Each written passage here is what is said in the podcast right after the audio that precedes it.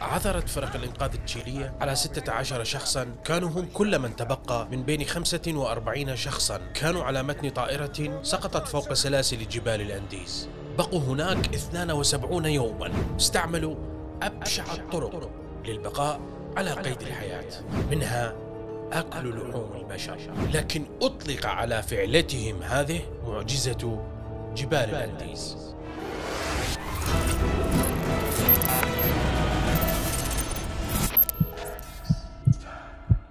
مرحبا أصدقائي أنا سيزر الحاتمي أحدثكم من مكان ما على كوكب الأرض وأنت الآن في نقطة تفكير الموسم الثالث من قناة أكستوك المتواضعة واللي راح تكبر بمشاركتك إلها. خلي نبلش. يا صديقي المشاهد العزيز في الثالث عشر من أكتوبر سنة 1972 غادرت الرحلة 571 التابعة لسلاح الجو الأرجواني العاصمة مونتفيديو كانت متجهة إلى سانتياغو في تشيلي. الرحلة يا صديقي المشاهد العزيز كانت تضم خمسة أفراد هم طاقم الطائرة و40 راكبا من بينهم 19 شخصا هم لفريق الركبي ليخوضون مباراة ودية في العاصمة التشيلية فكان مسار الرحلة الجوية فوق سلسلة جبال الأنديز واللي هي أعلى سلسلة جبلية في النصف الجنوبي للكرة الأرضية. لكن لسوء حالة الطقس قرر الطيار أن يهبط في مدينة مندوسا الأرجنتينية. فقضوا الركاب ليلة كاملة هناك ليتحسن الجو في اليوم التالي. لكن في اليوم التالي لم يتحسن الطقس وقرر كابتن الطائرة خوليو عبور جبال الأنديز فأقلع متجها إلى سانتياغو. وكان الطيار ومساعده يبحثون عن جبل بلانكون المنخفض ليعبروا من فوقه. ثم يتجهوا إلى الجانب الثاني من سلسلة جبال الأنديز التابع إلى تشيلي لكن داخل غيوم كثيفة جدا والتي غطت جبل بلانكون.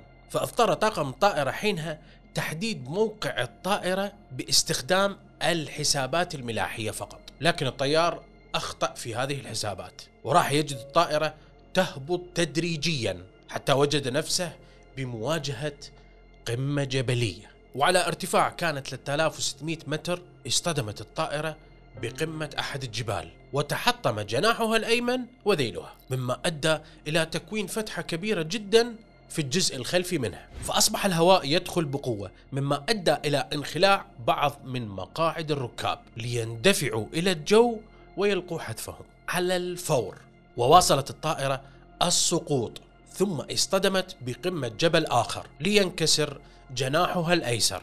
بعدها انزلقت على منحدر جبلي حاد إلى أن توقفت وسط الثلوج فأدى ذلك إلى مقتل طاقم الطائرة وعشرة ركاب وارتفع عدد القتلى في اليوم التالي إلى 17 قتيلا.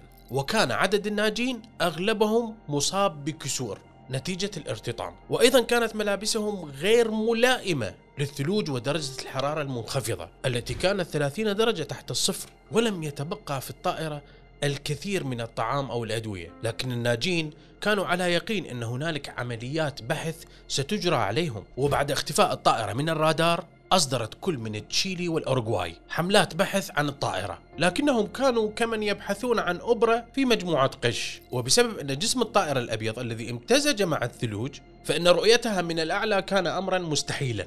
وبعد ثمانية أيام توقفت فرق الإنقاذ من البحث بسبب عدم عثورهم على أي قطعة من حطام الطائرة. واعتقدوا أنه لا يمكن لركاب الطائرة أن يكونوا على قيد الحياة. وسط ظروف جبال الأنديز الصعبة وتم علم الناجين بهذا الموضوع لأنهم سمعوا الخبر في جهاز المذياع الموجود في الطائرة.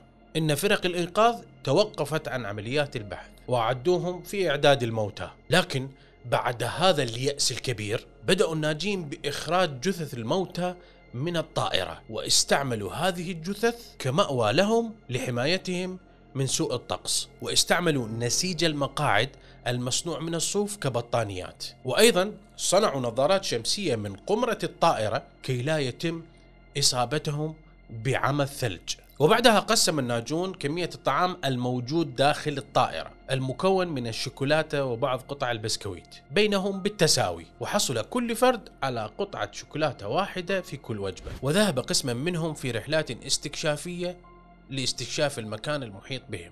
وللبحث على طعام.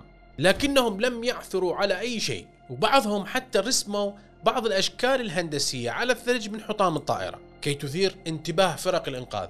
لكن للأسف فرق الإنقاذ قد توقفت من البحث فهم الآن في إعداد الموتى. وبعد نفاذ الطعام بدأوا يبحثون عن أي شيء للأكل. حاولوا أن يتناولوا الأقمشة وبعض من الحقائب الجلدية لكن الأمر لم ينجح. وكان من بين الناجين طالب في كلية الطب اقترح عليهم إلى اللجوء إلى الحل الأصعب والوحيد.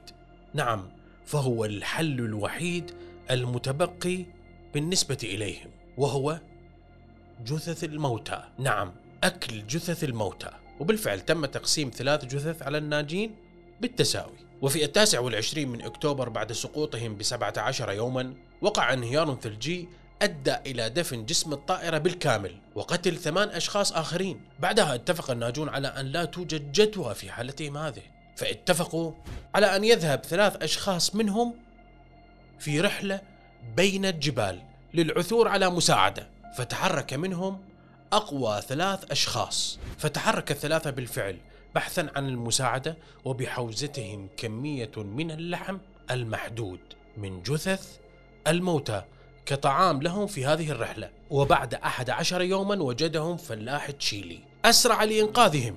وأبلغ الشرطة أن هنالك ناجين آخرين بين الجبال. هم من حادثة سقوط الطائرة التي توقفت فرق الإنقاذ بالبحث عنهم. فتوجهت المروحيات نحوهم وأنقذوا نصف العدد وعادوا إليهم في اليوم التالي بسبب سوء حالة الجو. وعلموا أقرباء أصحاب الجثث التي أكلت من قبل الناجين وسامحوهم على فعلتهم هذه. وأعلنت الكنيسة حينها على أن الناجين لم يرتكبوا أي خطيئة في تلك الظروف القاسية. وأنتجت هوليود فيلما عن هذه الحادثة. روت فيه ال 72 يوم اللي قضاها كل من نجا من هاي الحادثة. وسميت حينها معجزة جبال الأنديز التي تبين إن للإنسان قدرة على أن يتحول إلى حيوان مفترس فقط من أجل الحفاظ على حياته. ولا تستغرب يا صديقي المشاهد العزيز. من الممكن أنا أو أنت أن نأكل لحوم البشر إن تعرضنا لمثل هذه الظروف القاسية. لكن عجبي علينا جميعا إننا نرتكب نفس هذه الفعلة يوميا بالنميمة. تحياتي وأشواقي لكم وأراكم في حلقة قادمة. أخوكم سيزر الحاتمي.